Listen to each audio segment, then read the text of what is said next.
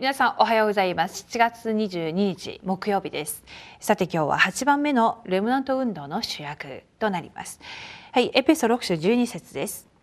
私たちの格闘は血肉に対するものではなく主権力この暗闇の世界の支配者たちまた天にいる諸々の悪霊に対するものです。はいアメン。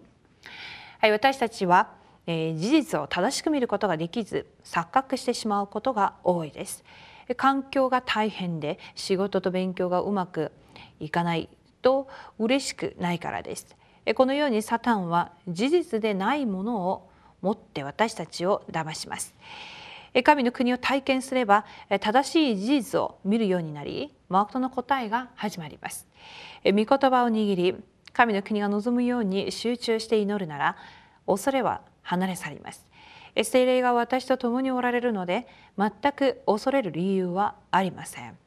はい、レムナント運動の主役っていう部分でえ今日はですねサタンについてのお話なんですが結局私たちの戦いはえ実はこの暗闇との悪霊との戦いとなります。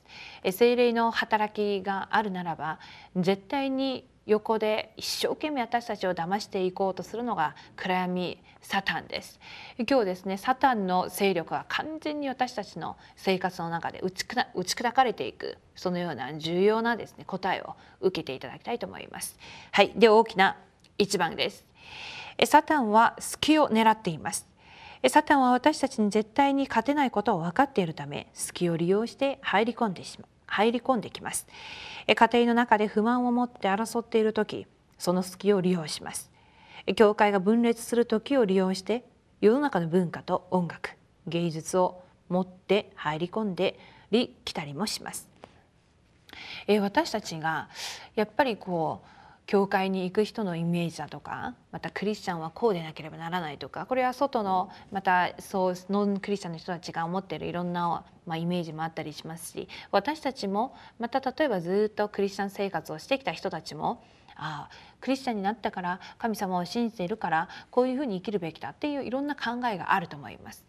でもですね実際にそれらは実際的には本当の福音この事実っていう本当の福音というものが成立される前に持っていたいろんな考えなので実は教会に通っていながらも曖昧な部分でよく騙されたり逃す部分が多いんですね。今日サタンはこの教会の中にまで入ってきてましてやレムナントになレムナントたちにも対しても福音運動をする私たちに対してもよく騙し事をかけてきます。その隙隙があるんですがサタンが狙う隙だから私たちは全てを譲り思いやって理解してもう100も200も相手のための立場を考えなきゃならない理由はそこにあります。いろんな言いたいこと自分の立場また問題が起きた時にあこれは私のせいじゃないのにと思っていろいろとお話をしたい部分自分の立場を説明したくなる部分も皆さんあると思います。でも今週1週間ですね暗闇との戦いサタンに隙を与えてはならないっていうふうに思ってその問題や事件をよく見ますと絶対にそこに隠れた神様の計画があると思います。すべては精霊の働き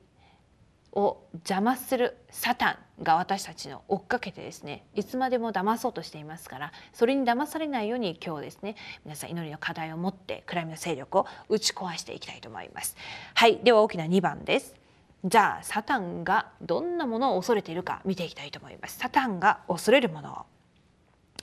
サタンは福音を持っている人を恐れています。福音を伝える伝道者を恐れています。サタンは未信者の現場で福音が明かしされ天の軍勢が動員されることを恐れています。初代教会が握っていた契約。キリスト神の国精霊の満たし承認を握って祈り始めることをサタンは最も恐れています。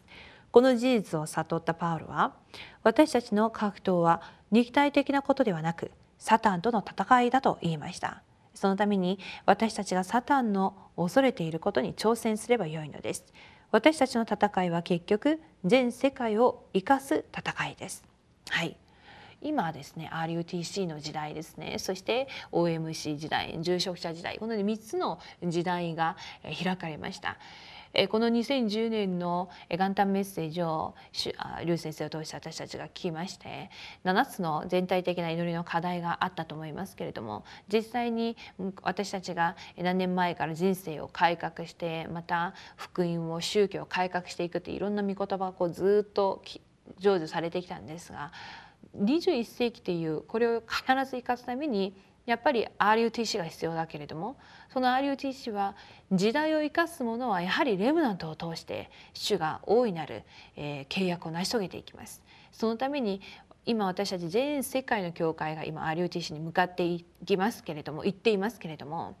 それを絶対にその契約を分からせない邪魔するクライムの勢力があると思うんですね。だからせっかく貴重な時代住職者を起こして OMC を起こしていろんなレムナントを起こしていきますけれども今世界でですね今青少年の進学院が非常に弱くなってしまったりまたは御言葉運動がですね現場現場でこうタラッパ運動が起きていますけれども実は本当にいらない問題で多くの信徒たちが今試みにあったりすることがたくさん起きたりもしました。けれどもそれを大きく今日見てですね問題もあ問題だから私は関わらないというふうに思わずに実際的に世界福音化のためには誰もが一度は通過していかなくてはならないいろんな問題があると思いますけれども契約さえはっきりと私たちがしっかりと握っていけば騙されたりしないと思います。今日の中で皆さんがタラッパ運動をしていく中で現場で御言葉運動をしていく中でもしも試みにあったり人間関係だとかいろんなシステムだとか組織の問題があるとしたら本当に皆さんそれを事実的に見ていきましょう。そしてサタンが隙を狙っている全ての部分を今日全部カットして遮断してください。もう今日でおしまいだっていうことで。そして契約を握りましてなんとかこの昔イスラエルの民がカナンに入っていくことを邪魔した暗闇のようにですね私たちが RUTC に向かっていくことをしていく全てを今邪魔する勢力を完全に打ち砕いていただく一日になっていただきたいと思います。皆さんの今日の信仰の告白が未来のレムナントを生かしてまた未来の世界福音化に直接つながる道になっていきます。はい。では大きな3番です。サタンが恐れているレムナント運動。私たちがサタン私たちはサタンが恐れているレムナント運動の主役にならなければなりません。レムナントが家庭を生かし教会を生かす住職者として立ち現場の文化を生かす主役になるならば暗闇の勢力は崩れるようになっています。7人のレムナントのように神の国の契約を覚えて子孫を生かし地域を生かす主役にならなければなりません。今日の御言葉伝道祈りを通して霊的に武装し新しく始めればよいのです。はい。サタンをも恐れるレムナントになってください。そしてサタンが恐れる住職者サタンが恐れる伝道者になってください。それは初代教会が握っていたそのイエスはキリスト神の国精霊の満たしこれを握って祈るものです。握っても祈らなければ実際にサタンの暗闇この暗闇勢力は打ち砕かれません。暗闇は本当にこの霊的な働きキリスト以外には恐れませんけれどもキリストを直接自分のもの契約を自分のものあれだけ望んでいる神の御国が望まれることを体験する鍵は一つしかありません。それは今日のこの祈りの手帳の中でいくら黙想してこの番組をまたご覧になっているとしても自分のものにして祈っていかない限り自分のものにはなりませんので私たちはご一緒にですね今日はこの契約を握って本当に祈って世界の福音化にもっともっと近づいていく一日にまたなっていただきたいと思います。はいでは今日のフォーラムです。えー、私が騙されている部分は何でしょうか？サタンにさらされている私の隙は何でしょうか？今日の御言葉伝道祈りを握って新しく始めてみてください。皆さんが今日から霊的な戦いを始めるならば暗闇の勢力は離れ去るでしょう。はい。今日もですね日本と世界におられる共にこの祈りの手帳をご覧になっている皆さんご一緒に祈っていきたいと思います RUTC のためにまた自分の現場とまた私たちの日本福音化のためにですね祈って本当に日本にも、えー、各地に RUTC が建てられて、えー、そしてまた全世界のエリートの日本人の方々が建てられて OMC の主役になりですねまたレムナント運動の土台になっていけるようにまた皆さん祈っていただきたいと思います。はい。それではですね今日の祈りの手帳、えー、最後に私の方から一言祈って終わりにしたいと思います。はい神様ありがとうございます。私たちが伝道運動のこの福音運動をしていく中でやはり一番私たちが祈っていかなくてはならないことそして一番この暗闇サタンサタンを縛り上げていかなくてはなりません。神を離れていくようにそして人類に呪いを与えそしてものすごい暗闇ものすごいこの大きな痛みや戦争を与えたのがまたサタンです。神を離れるようにしてしまいました。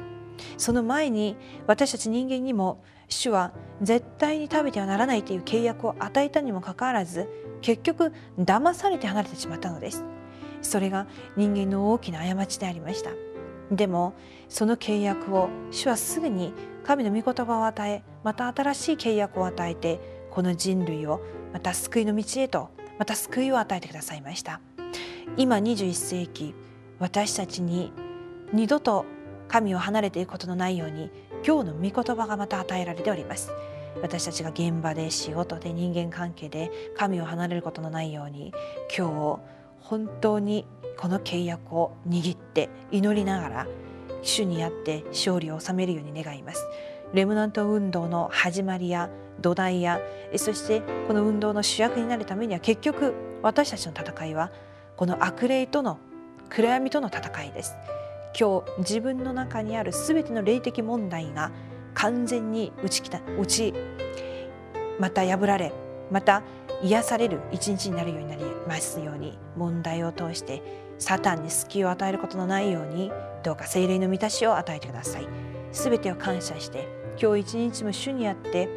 主が伝道者の道を私たちが歩めるように導いてくださることをまた確信します。感謝して主イエスキリストの皆によってお祈りします。アーメン。